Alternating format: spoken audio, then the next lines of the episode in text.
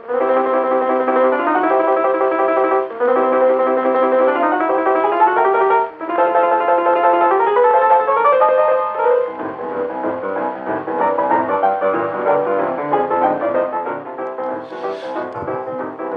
í botnin, það er vonandi ennþá februar þegar ég heyri þetta. Það, það þyrfti að vera eitthvað meiri átt að slýs ef að ég myndi ekki ná að klá, klára sér til lofti núna á förstu daginn en já og það er náttúrulega eins og ég segja það sem gerist um leið og þannig ég ætlaði að vera óalega döglegur að hafa þetta reglulega svona að vera eh, góður í þessu og þá þarna Þá, þá fekk ég þessa flensu og stoppaði alveg og ég hafði ekki einu sinni orku ég að klippa þættinu sjóun og taka upp þannig að En ef ekki segja að þetta sé bara núna komið, hérna hjá mér er hún Alexandra Brím. Takk hérlega fyrir að bjóða mér. Það er ótrúlega gaman að fá að koma í podcast almennt og alveg sérstaklega gaman að fá að koma í podcast og tala um uppáhalds sjónvarsefni mitt og í rauninu uppáhalds menningar fyrirbærið mitt. Já, en áðurna við uh, upplýsum það fyrir, fyrir þá sem hafa bara smelta og dansa að lesa titlinn og þættinu sem gefur þarna öruglega einhverju vísvinni þá var það þetta hérna hei, kaupið kommentkerfið tvö, kaupið hver myndi þetta til út um allt, þetta er spilin mín þau eru frábær, ok þá er því lokið, ég hef búin að gleyði að sjálfan mig, sponsorinu minn. Og þá hvað ætlum við þá að tala um? Sko, ég var dobluð hingað til þess að ræða um þessa tvo þætti sem að nú hafa þegar komið út um, um, um Jean-Luc Picard í þáttunum Star Trek Picard sem eru síndir á Amazon Prime og Prime Video. En mér var líka lofa því að í rauninni mætti umræðan fara um víðanum völl svo lengi sem sá völlur fjallaði aðalegum Star Trek. Já, e eða það sem ég var svona líka að maður leifi sér aðeins að nefna aðaleikran því að Jú, jú, jú, Patrick Stewart, hann er aðeinsluður. Hann er, ein, ein, er held í eini leikarin sem ég raunverulega myndi lýsa mér sem aðdáanda. Eða, veist, ég, ég er með ofnæmi fyrir þessu orði aðdáandi. Ég er ekki aðdáandi nokkurar mannesku sem er til í raunveruleikanum, en ég myndi kannski mögulega gútið að það að ég væri aðdáandi hans. Já, hann virðist vera alveg afskaplega næskaur. Það er enda skondi þegar maður skoðar sko núna, maður hugsaður um hann þegar hann byrjaði í The Next Generation og þá hefur hann verið hvað 47 ára út, frá þessu að Will Wheaton sem líka Wesley Crusher er í dag eldri en Patrick Stewart þegar Next Generation byrjaði. Það finnst mér finnst Ái. Hann lítur samt ekki út fyrir að vera jafngamall núna eins og hann, Patrick Stewart var þá. Enda sko var það, var, það var hugrökk ákvörðun á þessum tíma að hafa sköllóttan aðaleikara í þætti sem að var ætlað að verða uh, svona primetime sjónasefni sem verið vinnselt og fyrstu, fyrstu búningapröfunar þá var það með einhverja hárkollu og það var bara eitthvað svona veistu nei, feldu þessa hárkollu og látum eins og þetta hefði aldrei gerst. Já. það hefði mögulega eðilegt þetta allt. Já, já, það er allavega ég, ég ég veit svo sem að leikara eins og hann þarna Jason Alexander sem var í, í Seinfeld hann, hann, hann á bara erfiðar með að fá hlutverk í, með sinn svona undistrykkaða skalla svona sem við þekkjum öll en þarna aðeins svona meira fæna aðeins meira með hórkölluna samt þá er það er maður bara ítöndir eins og að sé eitthvað að því að vera svona sköllóttur. Það er bara nákvæmlega ekkert að því. Ég ætla reyndar að segja að það er viðkvæmt subject fyrir transkonur sérstaklega. Og ég er mjög fegin að ég náði í skottið á þeirri þróun allir saman. Allavega er, er þetta ekki til þess að skammast þín fyrir að vera Nei. Alltaf, eins og ef við tölum um það að hann þarna er að hann var, væri yngri heldur en Will Wheaton var þarna, eh, þá þannig að hugsa maður kannski um það hann er alltaf bara af þeirri kynnslóð í Breitlandi, hann leiði náttúrulega skort öruglega fyrsta árin eins og allir þannig að strísárin og síðan eftir strísárin þannig að hann var ekkert þarna hann eh, hefur ekki svona byrjað á svona það er ekki bara sko, það er ekki bara að tala um skallan, það er nú varlega tengt þannig að stríðinu en þarna en síðan já, Will Wheaton hefur kannski lifað aðeins svona meiri velmöðunar tíma Já, hann hefur alltaf verið hann var alltaf ungur færðan að vinna sem leikari.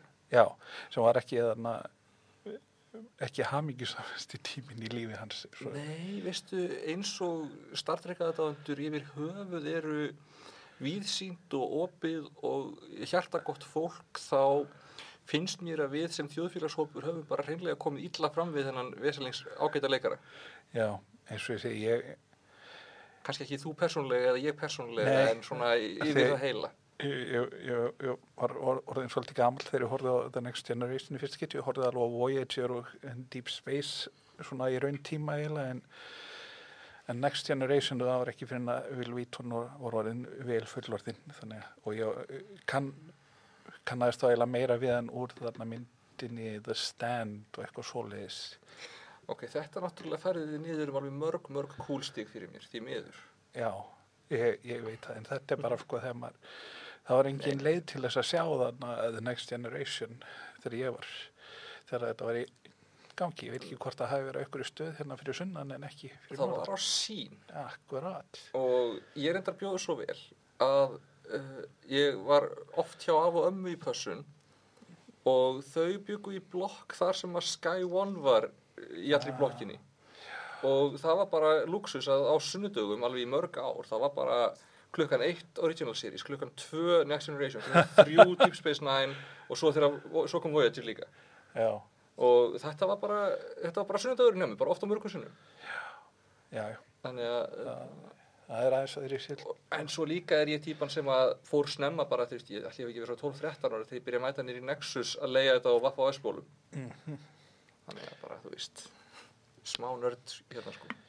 Ég veit ekki, ég, eins og ég segja, þetta var bara þessir sunnudagar og rúf hjá mér með hana Deep Space og, Og Voyager, já. já, En þú er ekki verið með sín.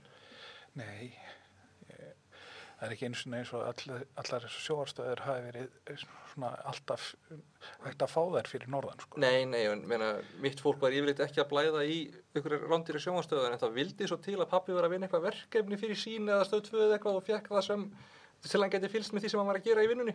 Já, ok. þannig að við svona svindlum okkur eitthvað fram hjá því og fyrir mér er Star Trek það er einhvern veginn meira en sjónvastáttur það, það er svo augljóst að það er formulerað í kringum vissa heimsbyggi, vissa heimsýn og vissa framtíðar von og sko það er svo auðvelt í, það er svo mikill vísnarskaldskapur sem gengur út á svona vonda heiminn eða dystopíuna eða þannig en Star Trek er uh, þorir að vera utopía.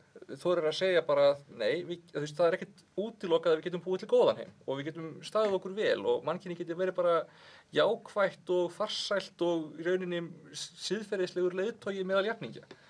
Og mér fannst þetta einhvern veginn kveikja í mér. Þetta svona mér langar að trúa á því góða í manninum mér langar að vinna því að gera heiminn betri og einhvern veginn leit, létu þessi þættir mér líða eins og það væru fleiri heiminum sem að leiði þannig Mm og það er alltaf verið eitthvað dýrmæti fyrir mér þess vegna En þetta er náttúrulega eitthvað sem að hefur á móti stundu verið gaggrínt með Star Trek að vanti svona ákveðin svona átök í það. já, já. En þau átök hafa svona yfirleitt svona verið svona í samskipnum við aðra frekar heldur en svona innan eða hjá mannkynnu sjálfu, frekar. og já, meina Roddenberry var náttúrulega frægur fyrir það að hann vildi meina að á þessum tíma væri mannkynni komið á þann stað að innri átök sko, sem væri ekki bara beinlínus út af því að einhver gemvera væri að stjórna hugumanna væru bara ko- svona, er það svolítið fortíðinni til. Og það er kannski kannski full mikið af hennu góða og það er í raunin ekki fyrir setni seríur af Next Generation og uh, Deep Space Nine náttúrulega fyrir, er frægir fyrir að hafa gengið svolítið langt í hinn áttina með að sína að þessi heimur er ídealískur og góður en það er ekki átakalust. Mér finnst það mjög mikilvægt sko. Við getum ekki verið bara bláið og trúa það bara með tæknin leysu við öll vandamál og allir eru bara góðir og jippi kóla. Já, en aftur á móti nöðsynlegt að hafa svona hvort, hvort að sé svona hvort að við höfum dystopjur til þess að vara okkur við hvernig hlutinni gæti orðið og Star Trek í það sem við vonum að gæti orðið. Já, þú verður að hafa bæði og það er einhver, en þú veist, það er einhver fílingur í Star Trek. Það er bara, víst, það er einhver svona róleg tilfinning yfir þeim, tempóið er yfirleitt lástemt nema þegar eitthvað gerist. Það er svona þetta þægilega vélanýðu bakvið yfirleitt. Það er bara, það er eitthvað svona contemplative og íhugult við þessa þætti og sjónarhóttnið er alltaf á sko vísindarlega nálgun, uh, humanisma og svona uh, stóri munurinn á öllu Star Trek sem kom á undan og uh, Abrahamsmyndunum Mm er að í öllu Star Trek sem kom á undan þá vissulega urðu átök og það varð ofbeldi og slagsmál en það var alltaf í rauninni annarkvort vegna þess að anstæðingurinn gerði árás fyrir vera laust eða vegna þess að bara það var, það, það var til margs um að allar tilraunir til að afstýra því hefðu mistíkist það var aldrei fyrsta, annað, þriðið eða fjórða val að fara í eitthvað slagsmál Já. og mér fannst það alltaf líka mikilvægu punktur og ég áli vini sem að fíluðu Star Trek og voru bara eitthvað svona, já, þetta er úrslega cool, þú veist, gameskip og gamebardagar og eitthvað, maður er eitthvað svona, já, já, en þú veist, þið eru ekki að fatta þetta. Já, ég manni mitt þegar að var Voyager var að byrja og ykkur sagði svona, já, hann hlakkaði til þess að fá Voyager eftir að hafa sagt að þar er því bara action og það er bara svona ekki það sem að svona þeir sem hafa verið allavega lengi hrifnir þessu eru Nefnilega. að leita eftir það er svona að maður geti tekið sko einhverja þætti þar sem er bara svona verið að velta vöngum yfir bara, Þú siðferðisleg átök eða uh, álita mál, það er allt annað. Já, og líka þarna, um, og þetta er náttúrulega tengist því sem við erum að fara að tala um um Picard, það er, þú veist, hvað er, hvað er líf, hvað er greint, hvað er, hverjir eiga sér svona tilvistarétt Akkurat. sem er náttúrulega eh, svona eh, einfalt til að byrja með, eh, þú veist, bara með að hafa geimverur þarna inn í eins og Spock náttúrulega helst og síðan þarna í The Next Generation þá er það náttúrulega data sem að Já. kemur. Ég veit það ekki, er ekki ekki í minni hluta með það að mér finnst þessi spurning of afskaplega auðveld. Eða þú veist, mér finnst það afskaplega sjálfsagt að hversu vitund sem að hefur öðlast sjálfsvitund og greind og einhverja svona grundlega sjálfstekkingu hlýtur að fá að njóta af hans. En hvað er sjálfsvitun? Það er spurningin sem maður er, þar maður að geta málað falleg málverk, þar maður að kunna póker. Þú verður að, maður verður að hallast að því að láta þann sem að vill teljast hafa sjálfsvitund njóta af hans. En þú veist, Já, e- eins og þarna bottarnir og Twitter. uh, þeir vilja ekki teljast hafa sjálfsvitund. Þeir eru er bara að seg- segja þeim að vilja það. En já, akkurat, en hvernig getur við þekkt munin á þarna vélminni sem að segist hafa sjálfsvitun og því sem að hefur í raun ekki sjálfsvitun. Ég meina það er bara túringprófið eða reverse túringprófið eða, Já, menna hefur séð Ex Machina? uh, nei, Þú ættir að sjá Ex Machina. en ég er náttúrulega, þú veist, það sem að lendir í í stað, þannig að túringprófið á svona, allt það sem að lendir í svona næst í daglega, það er að þarna, já ok, ekki daglega á netinu, það er að þarna, reyna að sannfara tölfur um að maður sé ekki í tölva. Já, og uh, það, er, það er svona pínu, ég veit það ekki, mér finnst það, mér finnst það leiðinlegt en við erum í vissri frum berensku upplýsinga aldarinnar og við erum ennþá bara að fatta þetta. mér, mér finnst þetta svolítið dystopist að það er að það? þetta dag. Ég er ekki, ég er ekki vel, endanum þá þannig að hættum við að verðum við sannfærðum að eigum í raun enga sjálfsvitund að við séum bara vélminni sem erum að reyna að komast í. Eða þá, við erum að kenna vélunum hvernig á að þykist vera mennskur með því að hjálpa þeim að læra hvernig á að svara svona prófum. Já. Og einhvern einn daginn getur þú fengið eitthvað app sem að klára þessi próf fyrir því. Já. og þá, Og þar með er að þá er tilgangslust. já, en já, þá erum við, Við erum ennþá að tala um Star Trek Picard, by the way. en þarna, já, Patrick Stewart náttúrulega, ég, Eigum við að fara yfir grundvallar söguna? Er það, er það, er það, er það æskilegt í svona samingi? já, já, Eh, það er allt æskilegt og sem klippi ég bara út allt sem er óæskilegt. Sem sagt, Patrick Stewart leikur þarna Jean-Luc Picard og sá var eins og fræktir orðið skipstjóri á gameskipinu Enterprise í einu svo kallega stjórnuflota í uh, sambandinu. Og uh, svo, það, það komu sjö þáttaraðir og uh, alveg fjórar bíómyndir, ef ég man rétt. Og öðna, hvert öðru betra þar til í First Contact, allt eftir það var svona svolítið misjátt. Um, svo eftir atbyrðina í mynd nummer 10 sem heitir Star Trek Nemesis þá fer hann af einhverjum ástöðum út úr flotanum og heldur sér bara til hlés á vín einhverju fjölskyldunum sinnar.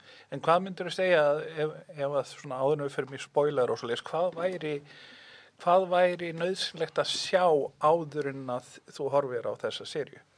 Þarftu að horfa á þarna sjö seríur af Uh, ég hef búin að útskýra það áður og ég er pínu nörd.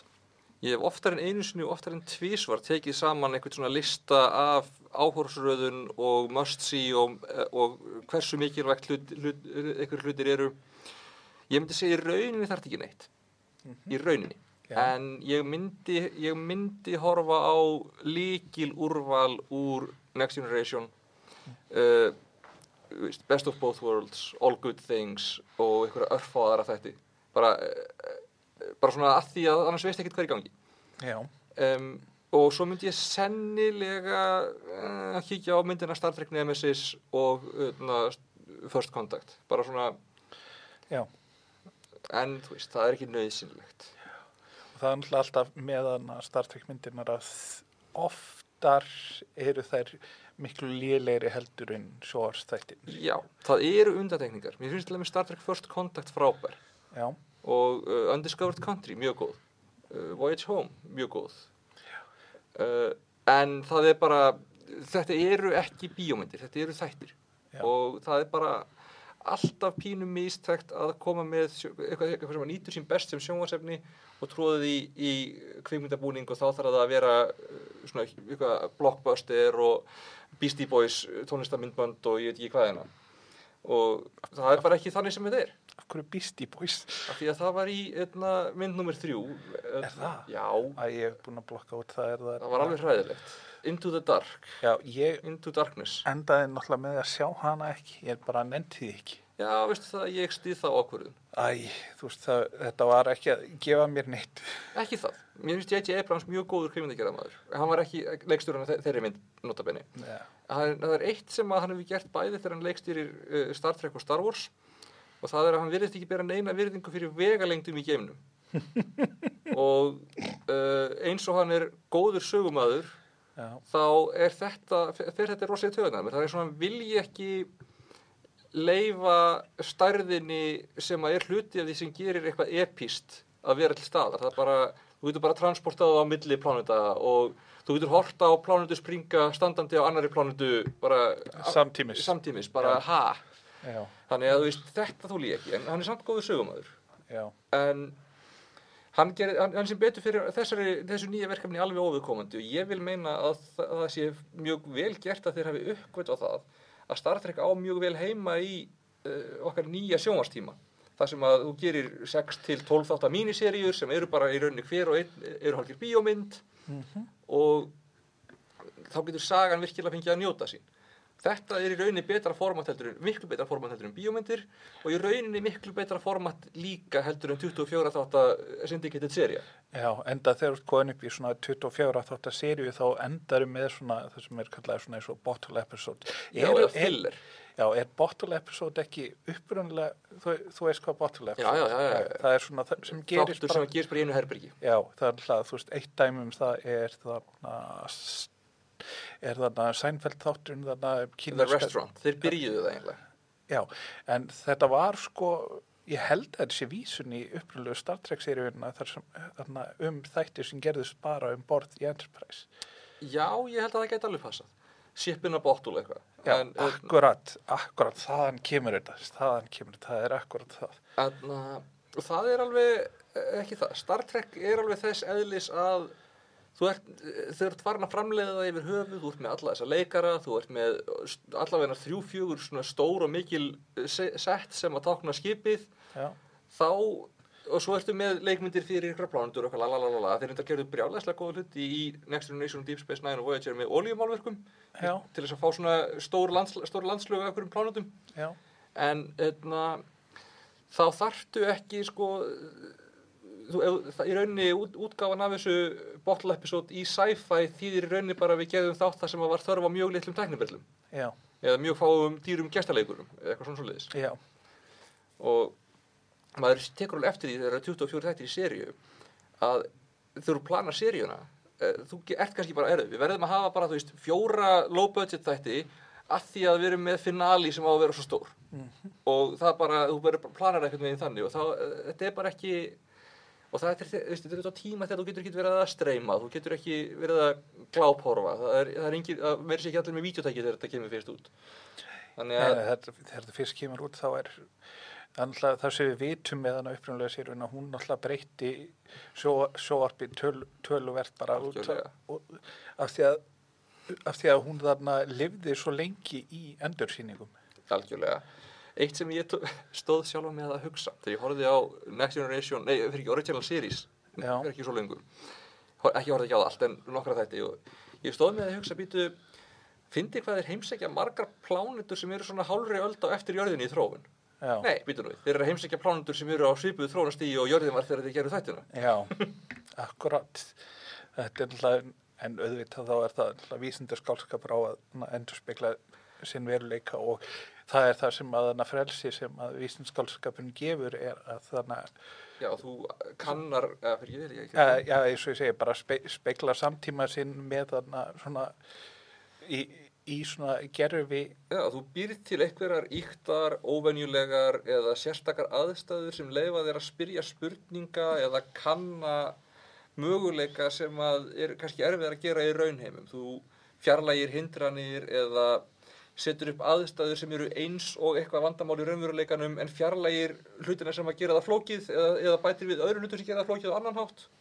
Og þá getur þú kannað bara spurninguna þú veist, af hverju veist, eins og í original, original series þætti þar sem að, að helmingurinn íbúanum eru hvítir vinstra megin og svartir hægra megin og hinn helmingurinn eru svartir hægra megin og hvítir vinstra megin. Eða sagði ég nokkuð það sama? Já, það er auðvald að segja og öfugt en, speilmynd. og þeir voru, og gaurarnir sem voru hvítir hægra megin voru svo vissir um að þeir voru svo miklu betri og augljóslega æðri kynstof og þetta víkslar aðeins breytunum en leifur okkur samt að þetta er frá tíma þegar bullandi rasismi og Já, að við erum, við erum búin að leysa þetta. nei, nei, en auðvitað ekki, en þú veist hvað ég á við. Já, ég það veit, er, ég veit, það var svona, það var svona skriðþungin er komin á þann stað að samfélagi er meðvitað um að rasismi sé vandamál sem að þarf að takast á við og hann er ekki samfélagslega samþyktur nema í einhverjum minnlutahópum Akkurat, það var bara, eh, maður var vonað, eh, ég held að allir hefur vonað að við verum svona ekki að taka þetta bakslag sem er í gangi eins og í bandaríkjum Já. núna. Ég held að þetta bakslag sé í rauninni reyði hvíti gaurinn sem að upplifir hann sé að missa yfirbyrastöðuna sína að taka svona síðustu uh, mótspyrnuna áður en hann neyðist alveg að gefa undan það er óskækja kannski. Ég, ég held að þetta sé svo alltaf valda stjettin að hann að reyna etja þarna öllum svona öllum sem eru undir þeim svona saman til þess að losna við að þurfa að taka ábyrða gjörðum sín. Já, já, þetta er gaurinn sem að hallar sér að uh, fátakamanninum og þegar hann er nýbúin að taka nýju kökur af tíu og gjóður augurum til innvítjarnar og segir, heyrðu, þessi gaur ætlar að taka þína köku. Akkurat.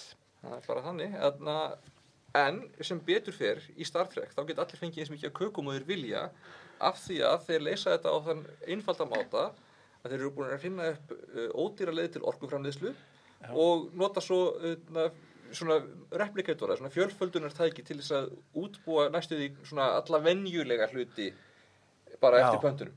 Það, það sem er náttúrulega að fyndi sko núna þegar maður sér þetta er að núna er ég með, hérna hinum einn er ég með þrývitaprentara og maður sér sko, maður getur svona séð fyrir sér að sko þetta er náttúrulega ekki á sama stíð en maður sér fyrir sér að já, tæknin er svona kannski að fara í einhverjar þessar áttir og, en, og það er náttúrulega verið að vinna í því að nota svona svipaðar hugmyndir til þess að eh, búa til mat. Já, ég sá eitthvað tíma 3D prentar sem prentaði pítsur, það eru, það eru kannski svona sérlega heppilegt form til þess að gera með þeim hætti. En þetta er allavega hana, þetta er svona ekki alveg fjarlægt og þetta var fyrir eh, hvað, 30 árum. Nei, meina, í dag get ég farið á auðvitað netið og gett mér bluetooth skjöld til að barmerki til að fe- festa á brjóstið og tengt þar við síman minn og svara í síman með því að segja, já, góðan dag. Þú hefur ekki gert það samt? Ekki gert það ennþá, en ég ætla sennilega að gera það fljótlega. Alltaf þegar ég, þegar ég man eftir því, þá er ég yfir eitt blöng.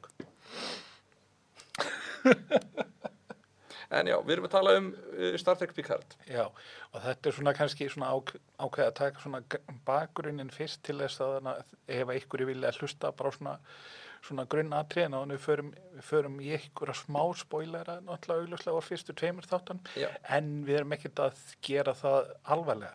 En það er kannski líka áðan við svona förum að fulla í þetta er, að það sem ég sá þannig að síning á fyrstu þáttunum af Picard líklega í hana, Bíóparadís á föstu daginn. já, sem er vonandi dagunum sem að þetta fyrir í lofti þannig að ef þið viljið kíkja á það þá er þetta held ég klúan tíu um kvöldi þannig að Bíóparadís er það ekki Jú, ég gæti verið á íbúafundi í hellu af öllum stöðum þetta kvöld. augljóslega, En, eins og hérna, við flest Neða, meina eins og varaborgarfulltrúar í Reykjavík gera yðurlega. En, nei, nei, ég er ekki Útþenslu alveg ákveða stefna. bort í fyrr. út, útþenslu stefnan Nákvæmlega. Er ekki, er ekki hella bara útkverfi Reykjavíkur? Nei. Já, já, við, við, við svona, á Akureyri þá lítum við meira og minna á allt þetta sem er ekki aukur þar til að kóðið svona.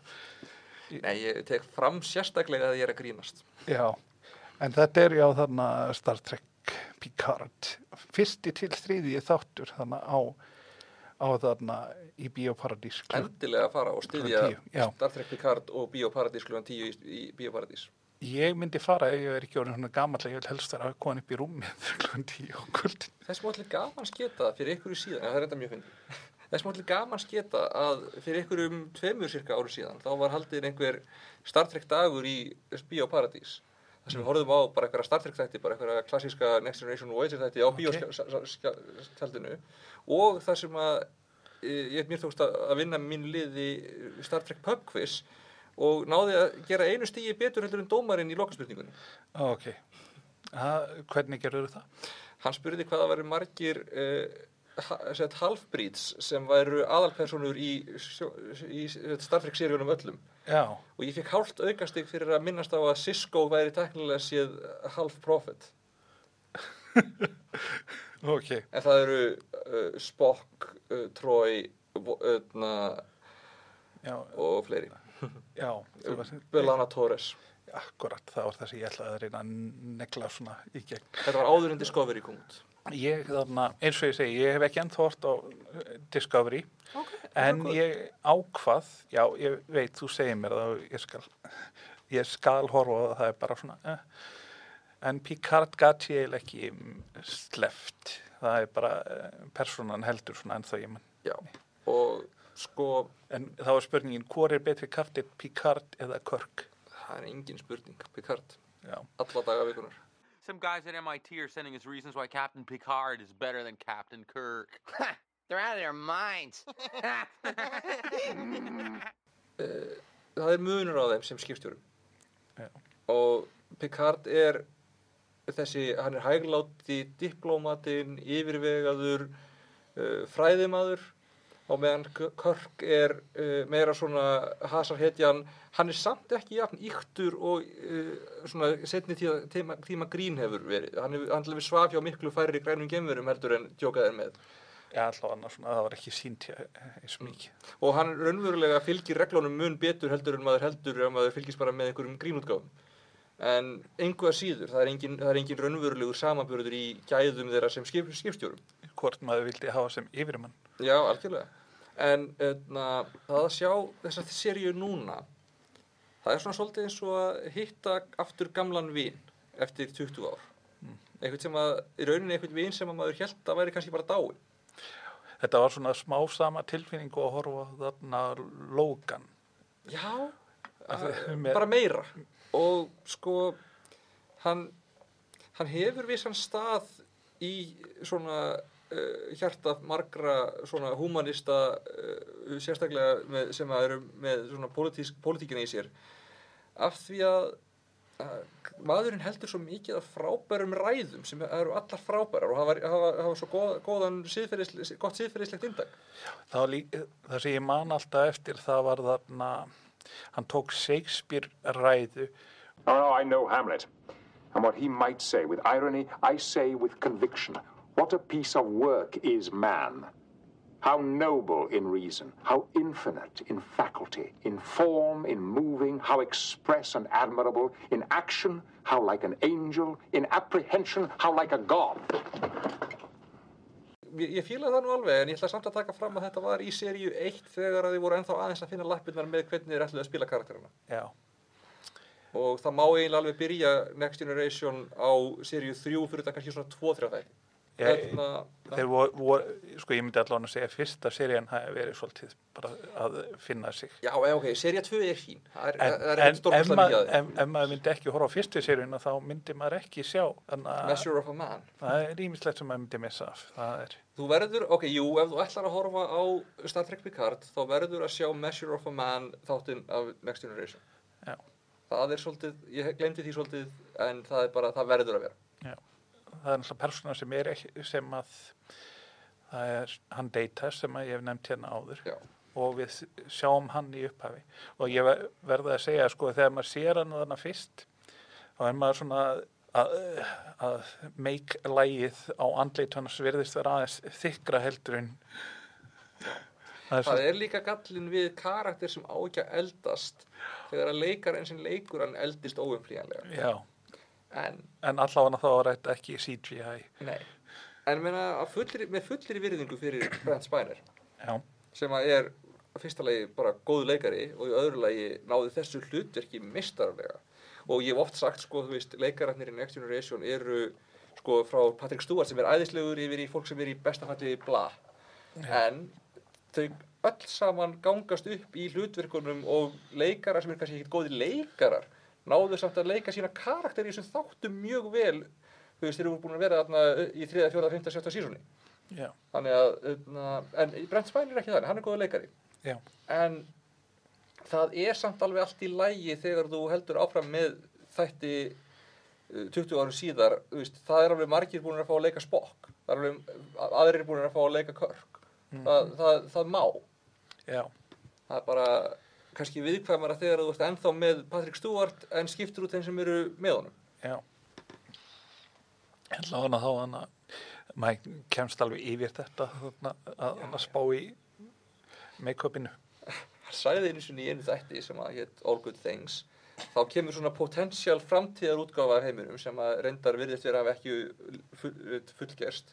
Já, að þá er útgáfa af data orðin professor við Cambridge minnir, minnir, minnir mig. Og þá er hann komið með svona hvítt í hárið og útskýrir að já, mér langaði að herra veit eftir mannkyninu með því að breyta útlutur mínu þannig ég virðist eldast. Mm þannig að það er alveg svona pínu já en við, það er alltaf kannski einhverjar spurningar sem við höfum í sambandið það sem að gætir farað það sem álið já, en við höfum alltaf aug, augljóslega kallast þetta á við samtíma sinn varðandi þegar að vera að tala um þarna flótamenn sem að Ó, P- já. Picard vildi taka við og Já, uh, er það réttlætanlegt að hjálpa ekki saklusu fólki í neyð en, en að það lítur út öðruvísi en við ég ætlaði að gefa aðeins meira breykan það er Já. vissulega í rauninni grunnlínan. Já, en ef, það, e- ef að þú getur fær, samfært þig um að já ok, fyrir ekki, þú ert að tala um þú ert að tala um annað en ég. Já, En ég er, en þe- óvinur sem, eða eitthvað sem var andstæðingur er í vanda og uh, þegnarnir þurfa hjálp þó svo að uh, yfirvöldin séu í rauninni farin. Já, uh, en þarna vorum við líka með spurningu um máttu útskúfa einhverjum uh, sem er saklaus og refsa einhverjum sem er saklaus fyrir eitthvað sem að aðrir honum líkir hafa gert já. eða fyrir eitthvað sem að þú getur fært rauk fyrir því að hann gæti eitthvað tíman gert. Eins og ég segi þetta er alltaf veist, það, það er alveg tvend sem að kemur inn á þetta sem að, sem að, sem að ekki bara fyrir okkur í Evrópu sem horfum á miðjararhafið nei. heldur líka bandarækjumenn sem horfa á landamærin við Mexiko þar sem fólk er bara þar sem að fólk er látið býða og er myrt af þarna glæpasamtökum af því Já. að það getur ekki borgað þarna eitthvað lausnargjald þegar þeim er reynd bara af því að Já. það er búið að setja kvóta á hvað má set, taka marga inn jafnvel þó að hafi svona alveg all, all réttindi þannig að flótamanns þá er það bara, nei það er kvóti við tökum bara yfir við hundra og, Já, þetta er bara síðlaust og, og, uh, ef þú kemst yfir landamærin þá ertu settur í einangrunarbúðir Já, já, þeir segja, uh, kom, veist, við erum bara vondur við þá sem komið inn ólöglega, komið bara inn löglega Já, og svo kvöttar hverju ári niður utan, og setja aðraðari skilir því um hverju mig að koma inn löglega.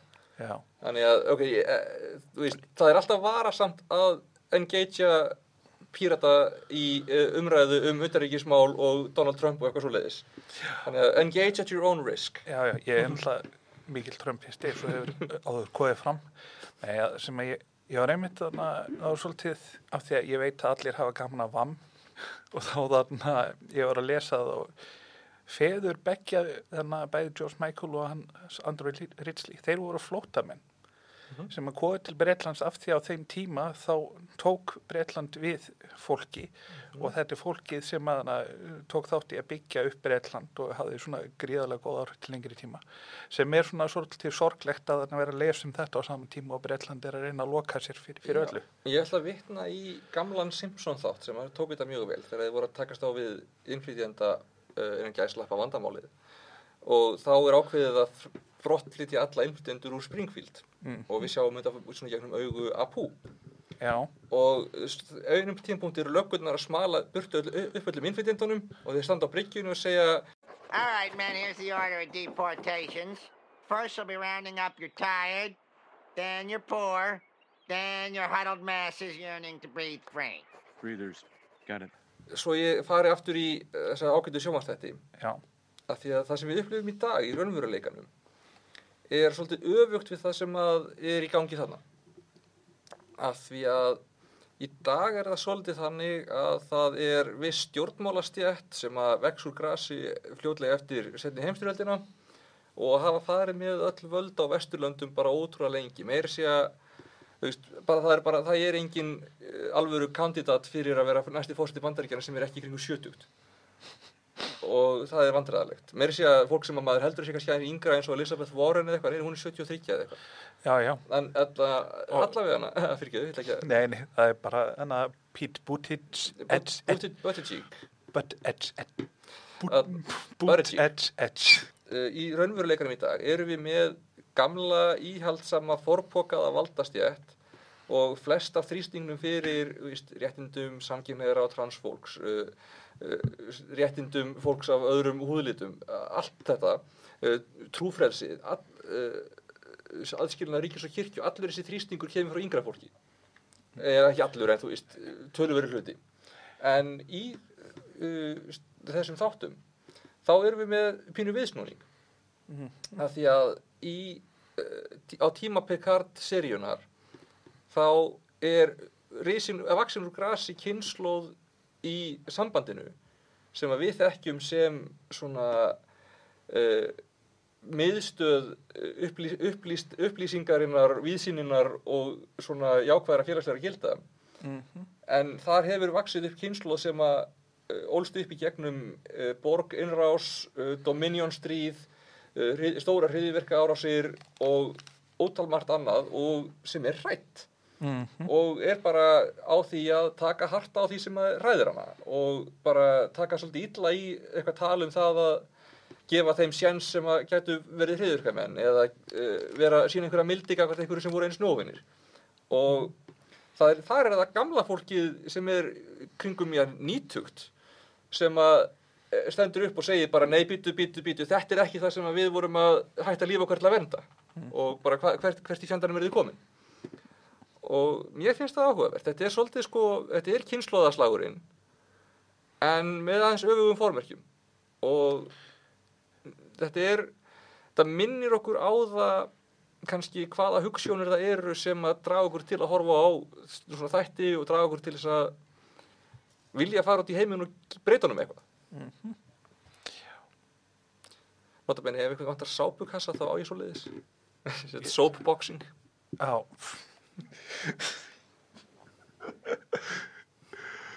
Uh, já, þarna, Það er vondubrandari, byrst afsökunar og kannski verður hann tekin út, kannski ekki. Það veltur á því hversu miskun samur Óli er þegar hann tekur út já, já, en, en já, veist, þekkir eitthvað fólki sem er á bakvið Picard? uh, Þetta tala um framleiðendunar Já, í rauninni veit ég voða lítið um það. Ég, ég gerði mér far um það að uh, læra voðalega lítið um þættina en þeir voru í framleiðslu. Ég endanum Já. asnaði svona til að horfa á trailera. Já, ég get það ekki. Ég, ég hins vegar ég, kom, ég komst að því snemma að Patrick Stewart var aldrei spenntur fyrir að koma aftur ángað Nei, en þegar að hann fór að tala við framleiðendunar og lesa handritin og eitthvað þá samfærist hann. Og það var nóg fyrir mig. Ég ákvað bara að treysta hans domgreind fyrir sínum karakter. Já, já, ég held það. Ég held hann alveg á því, stíi í ferlinu og lífi sínu að Hann þarf ekkert að taka þátt í ykkur kjaftaði sem að honum finnst eðilegja hans utna, uh, hvað segir maður, legacy. En það sem ég tók eftir bara þegar, þegar þetta var þegar, þegar ég var bara að horfa á þáttinn þá sá ég eitt nafn sem kannast við Michael Chabon Já. ég er að bera þetta rétt fram rítthjóndur sem ég er svona, ég hef ekki lesið en al- alveg sko svona á mínum svona, Þetta er á því sem þú vill lesa. já þetta, þetta er í ráfbókalesarinn mínum Ok, og hann þarna er ég held að þarna frægasta bókinan sé The Yiddish Policeman's Union ok, aldrei heyrt um það, en leið og ég sé titil langar með að lesa hana. Já, fyrir þessa bók þá vann hann Hugo og Nebula verðlaunin og fleiri verðlaun en þannig að þetta, Hugo og Nebula er náttúrulega stóru, já, stóru verðlaunin í þessum þannig að segja þessu í Huge, uh, Hugo, Já, ok. nei, sorry. Ég, ég býst Forlóks, ég býst Forlóks. Já, já. En þannig að, en síðan já, af leikurunum, þannig að kannastu eitthvað við þessa sem eru, kannastu eitthvað við, Mistu í rauninni ekki. Ég- Ég meina, með, auðvitað það, ég meina, ég held að vera að meina nýjuleikarana. já, nei, ný, nei. nýju leikurinn og svona sérstaklega kannski fyrst. Já, uh, ég í rauninni þekki þau ekki neitt. Þessi, þessi leikarar sem er, er að koma nýjir inn eru óþektastarið fyrir mér. Það var einhver einarna sem ég kannaðist við, en ég myndi ekki hvaðan. Og hann talaði Alison Pill sem að leik í til dæmis Newsroom þáttunum. Já, og leik líka í þannig að Scott Pilgrim þarna, versus the World það geti verið rétt hjá þér. Svei mér þá. Hún- er svona, hefur verið íms sko, en þannig að ég mann fyrst eftir henni úr Newsroom og síðan áttaði mig að vera svo sem það var Þannig að það, það er konan sem að leikur uh, uh, uh, vélmennafræðingin sem að talar við tvísvar. Alison Pill Það var hún, já, það var hún, hún sem ég kannaðist við. eins og ég segi, le, leiki fjölmörgu en hún var svona eins og ég segi mjög áberandi í The Newsroom Ég fílaði Newsroom fyrsta síðan að mista kosti í tætlu. Já, þetta var samt svona eins og verðum með sann vestving þetta er svona þetta er svona óskhyggja um hvernig svona getur virkað Já, uh, þetta er svona, ég meina, er það ekki Star Trek líka?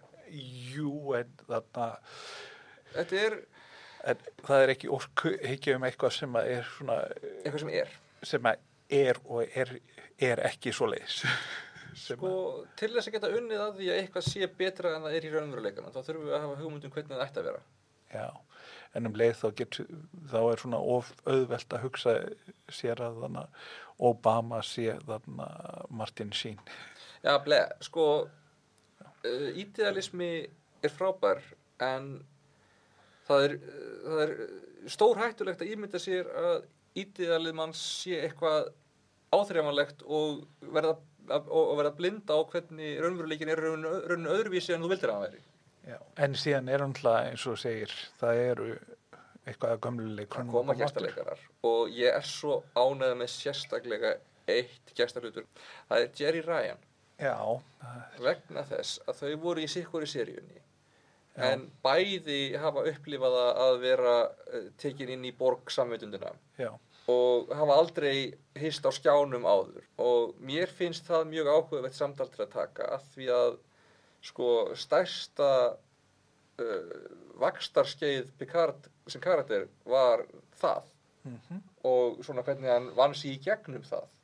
Já, og það er í rauninni sko mesta innrás sem að einstaklingur getur orðið fyrir. Mhm, og þannig má segja að þarna séu þeir sem hafa orðið fyrir sko óþólandi brotum gegn sinni personu með einhvers konar hliðstæðu til þess að finna, finna sig með já, ekki, ég segi einhvers konar hliðstæðu þetta er náttúrulega aðeins öðruvísi já, já, náttúrulega- já, þetta er náttúrulega áhugaður sögutræðir í báðum þannig þáttunum Jerry Ryan leikur uh, Seven of Nine, Já. öðru nafni Anniku Hansen. Já. Hún var búin að vera miklu lengur, hún var Já. tekin sem bann. Þannig að það er áhugaverður, áhugaverður samanburðu það líka. já, og það er náttúrulega líka spurningur um að taka fyrirverandi óvinn inn í hópin Já. og líka bara svona mennskan, hvort að mennskan lifi af þess að, þarna, að vera tekin inn í, já, Mennskan getur lifað af. Og þetta er svo góður punktur með að taka inn óvinnina því að það er eitthvað drif í heiminum í dag að byggja veggi og læsa á og ráðast á og bara berja niður allt sem að er nýtt og ógnvænlegt og eitthvað erfitt. Og það er strategía sem tapar alltaf til lengdar. Þú býrð alltaf til fleiri óvinni á hörkunni og veggjónum heldur en þú getur nokkuð tíma ráðið við með veggjónum og hörkunni og eina leiðin til þess að losna við óvinni sína er að kynast þeim og gera það á vinnum sínum. Síðan er, já, eins og ég segjum Brent, Brent Spiner, kemur náttúrulega aftur Spinner, Spiner, Spiner, Spiner og Marina Sirtis. Marina Sirtis. Hún einmitt átti mjög góðan personu vöxt í Generation. Já, ég er uh, sammála því. Það var ekki hún er, er, hún er svona pínu undirokaður karakter og í rauninni til marksum hvað uh, nýjundi áratugurinn var í rauninni ennþá forbokaður á sinn hátt. Já, en eins og ég segi vex alveg heilmikið og svona virkilega einhvern veginn eignast uh, sín, eigin, eigin tilveru ætli sé ekki í fymtu seríu í, í þátt, þátt, þetta er tvöfald þetta er Chain of Command þú ert tölvöld betri en ég í það því að muna þáttanöfnin þetta er eina, eina, eina sjónvarsefni sem ég get talað um á þessum nótum. Já, ég þarna nema kannski Simpson en já, og síðan þarna hann Jonathan Frakes kemur aftur. Já, já, það er Will Riker. Já, og við fáum vonandi að sjá hann setjast. Þa, það, það er sko, ef, ef, ef hann kemur þá bara fylgjast með því hvernig hann sest. ef, ef, ef að þið hafið einhvers konar eh, húmor í eh, lífi ykkar þá mæli ég innilega með því að leita á YouTube að Riker sitting. Já, það er bara samantektar myndband sem er fáránlega fyndið. Því maður tekur ekkert eftir þessu horfund á þættina í röð. Var ekki fyrir einhver bendir menn á að fylgjast með þessu sem maður er bara eitthvað? Veitu, ha?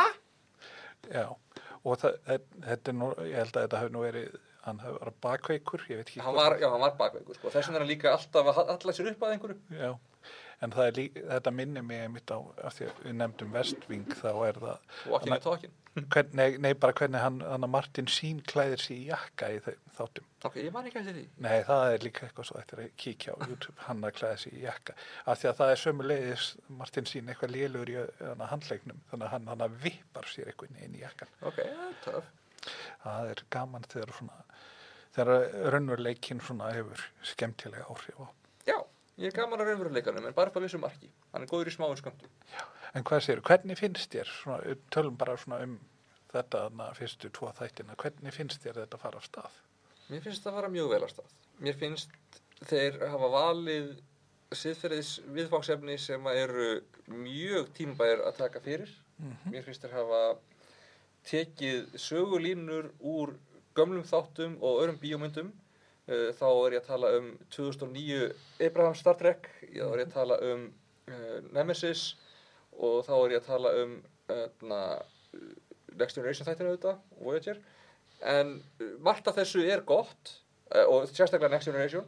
En þeir taka líka sögupunkta sem mér þykir bara beinlinis hafa verið framkvæmdir illa bæði Nemesis og 2009 myndinni. Mm og spinna þá í sögu sem er mjög góð Já, og taka, ein- einhver lísti þessu á netinu þannig að þeir eru að spinna gull úr hegi. Og mér finnst það alveg bara, mér finnst það listilega vel gert enn sem komið er, það er framvindan er vissulega ennþá hæg en hún er áhugaverð. Og hún er góð. Já.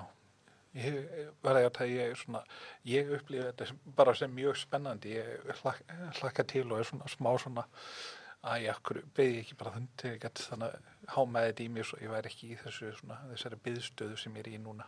sko, ég veit ekkert hvernig, af hverju ég astnaðist til þess að byrja, ég, ætla bara, nei, ég ætla bara, ég ætla bara að gefa þetta allt og horfa á þetta þegar þetta er allt komið og svo bara eitthvað downloada ég fyrsta þættir og horfi á hann bara í, sjón, í, í símanum mínum í flugi af því að ég, það var fyrsta mögulegi tími minn til þess að horfa á hann Já, bara, maður er bara junkie sko.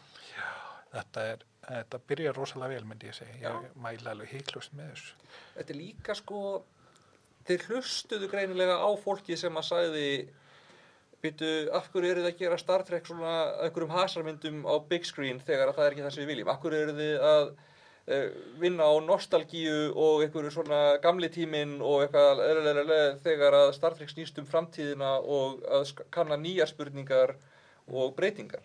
Hverju, og, og þeir virðast hafa hlusta mjög vel á þessar pælingar.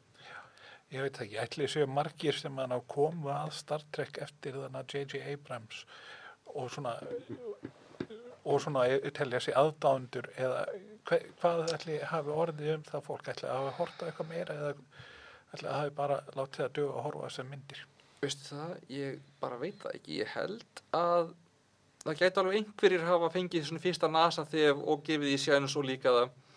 En ég held að það eina sem að náðist með þessu hliðarskrefi var að einhverjir hasa myndaða dóendur kíktu og borguðu sjóna myndina og voru svo svolítið bara farnir. Bara fyrir þeim hefur þetta alveg eins geta verið Lost in Space eða eitthvað. Já. Ég, eins og ég segi, ég veit það ekki. En við erum strax búin að fá staðfest að verður serið 2 á Picard. Sem mér þykir mjög áhugavert. Það verður, Og það er búið að staðfesta það að allan óformlega þá, þá hann hafa kannski ekki umbúið til þess, þá var Patrick Stewart búin að bjóða ákveðinu leikonum sem við þekkjum að vera með í seríu 2. nú, Getur þú nei, nei, ég ætla ekki að gíska. Nei, Whoopi Goldberg? já, akkurat, ég hef búin að lesa Það er, það er sögutráður sem að er ólokið í lokinu á Next Generation. hún náttúrulega það er náttúrulega áhugaverð saga sem að Whoopi Goldberg segir sjálf frá því að þegar hún var lítil að horfa á sjóarpið Já, og sjá, sá hann að hann að Uhuru uh, hljóp og sagði mömmu sinni ei það er svart kona í sjóarpinu og hún er ekki að leika þjónustustúlku akkurat. Ég ætla reyndar, það er svona pínu fyrirverið, þetta var mjög framsækið á sínum tíma. Já. Alveg rosalega. Hún er officer, hún er fer Já, með mannaforráð. En En hún er samt í hlutverki í rauninni símadömu já, framan af. Já. En það var líka þarna, hún ætlaði bara að hætta en Martin Luther King. Samfæraðan að vera áfram. Já, af því að þetta væri mikilvægt. Eins og við sjáum náttúrulega bara á upp í Goldberg að henni fannst þetta, Já, þetta var mikilvægt fyrir hana þegar hún lítil og sá bara allt í hennu, herðu, kannski að ég geti verið, verið svona leikona eh, Eins sem og þessi. Já, Og sko, önnur saga í þessu samingi sem ég þykir varpa vissu ljósi á uh, bæði tíðarandan og líka hann William Shatner sem að fólk hefur svona mísefna skoðanir á. Fólki Já. finnst hann ofleika, fólki finnst hann egoisti, alls konar bla bla bla. Hann, það, það er allt satt Já, já, meina, já, hárlega. Og öðna, ég er ekkert eitthvað, þannig sé eitthvað huge aðdáðandans, en það fyrsti uh, kossin milli hvíts karlmanns og svartara konu í leiknu sjónvarsefni er í Original Series og uh, framleiðendunir skrifuðu þetta. Það er, það er alls konar afsakanir bak við tjöldin sko, þeir er uh, stjórnað af einhverjum og eitthvað lalalala en þeir vildu samt einhvern einhvern veginn láta minn, min- minna á að þeir væru framsækin þáttur og voru eitthvað svona alluð að vera svolítið með þetta. En svo voru peningamennir fannir að gugna á þessu. Og hérna, Sjó, sjóarstöðin held ég. Já, og þá taka uh, Shatner og uh, Nichelle Nichols sér saman og því að þeir, uh, það var búið að settast á að taka þessa senu. Já, að taka svo nokkrar aðrar útgáfur þar sem, það væri ekki. Já, og þau bara samin, svona, saminuðu svolítið um það að klúðra bara viljandi öllum hinnum tökunum þar til að þið gáðust upp. Já, líka svona, þau neittuðu til þess að vera í nærmynd frekar heldur en í þarna við, viðri. Já, líka það. Þannig að þetta, þú veist, hvað sem maður vill segja um William Shatner þá held ég að hann sé allan að svona sem manneskja með hjarta á tiltölu réttum stöð, Já, oftast. oftast. Já, ég gafst það reyndar upp að fylgja hann á Twitter. Jafnlega, en því ekkert. En, En já. já. Allavega þetta var, þetta var ágætt. En, enna, En já, e, á fólk að horfa á Picard? sko, ég veit ekki um einhverja, nokkra einustu góð ástæði fyrir því að allir ættu ekki að horfa á Picard. Já, að það verið áhugavert að láta einhvern sem að hefur ekki hort á allt Star Trek horfa þetta, sjá hvort að það sé hvort að það sé of þungt eða ekki. Ég skal reyndar við ekki hana eitt. Ég hef ekki séð mikið af animated series. Ég hef hort á það allt. Ok, og uh, ég komist nýlega að því að það eru einn og einn original series þættir sem að ég misti af og hef ekki, uh, og vissi ekki að ég hefði mistað fyrir bara nýlega. Já. Þannig að það, ég er ekki búin að sjá alveg allt. Fram af Discovery eða þá þriðju eða nýju myndaseríunni þá var ég Mm. þá var ég búinn að sjá allt en En jú, klárlega ætti, ætti, ætti fólk að gefa þessu séns og horfa á þetta og ég mér þetta mjög gaman að fá sjónarhörn einhver sem að horfir á þetta án þess að hafa allan bakgrunni. já, Og ég myndi sjaldan segja þetta, en ég held í alvörunni að það sé ekkert margir meiri svona Star Trek nördar á Íslandi heldur en ég. já ég, en þú er ekki hort á því hann er með allt Ekki allt. ég hef gerst það já, já en hefur þá ekki bara að segja þetta gott í byli Við, það á öruglegt að koma annar þáttur af, um Picard og síðan hana, Discovery, ég veit ekki hvort að þú vilt gera það þegar ég loksins kemur að því eða það kjöður bara í ljós Já. Eitthvað svo ætlar að plugga í lokin þannig að íbúa fund á hellu Það er íbúið að fundur á hellu vissulega og það, hérna, píratar er að fara, er, er að fara í kjördæma viku út um all land. Ég bæli með að kíkja á það ef, að, ef að þeir eru eitthvað nálægt ykkur. Og það er, eins og ég segi, það er núna á hellu á hérna, föstudaginn. Og svo erum við með hérna, opið hús píratar í Reykjavík annarkvæmt mánudag og það verður til dæmis núna mánudaginn klukkan fjögur í síðum ára 23 eða eitthvað við okkur að segja eða aðtöða. eða þá eða vilja ræða um Star Trek Já, já, það, ég, það er í alvörunni bara, veist, ég vona að pólitískir anstæðingar mínir sé ekki að hlusta á þetta vegna þess að það er ágættislega til að afvegalega mig úr hverju sem ég er að tala um öðru. gott, gott að vita Já, ég náttúrulega pluggaði vanda spil mín komdikerfi 2 Já, ég mæli með kommentakerfinu 2. Það- Ég hef keift þau nokkur til, til gjafar og Þetta er alltaf hann að fyndið mig.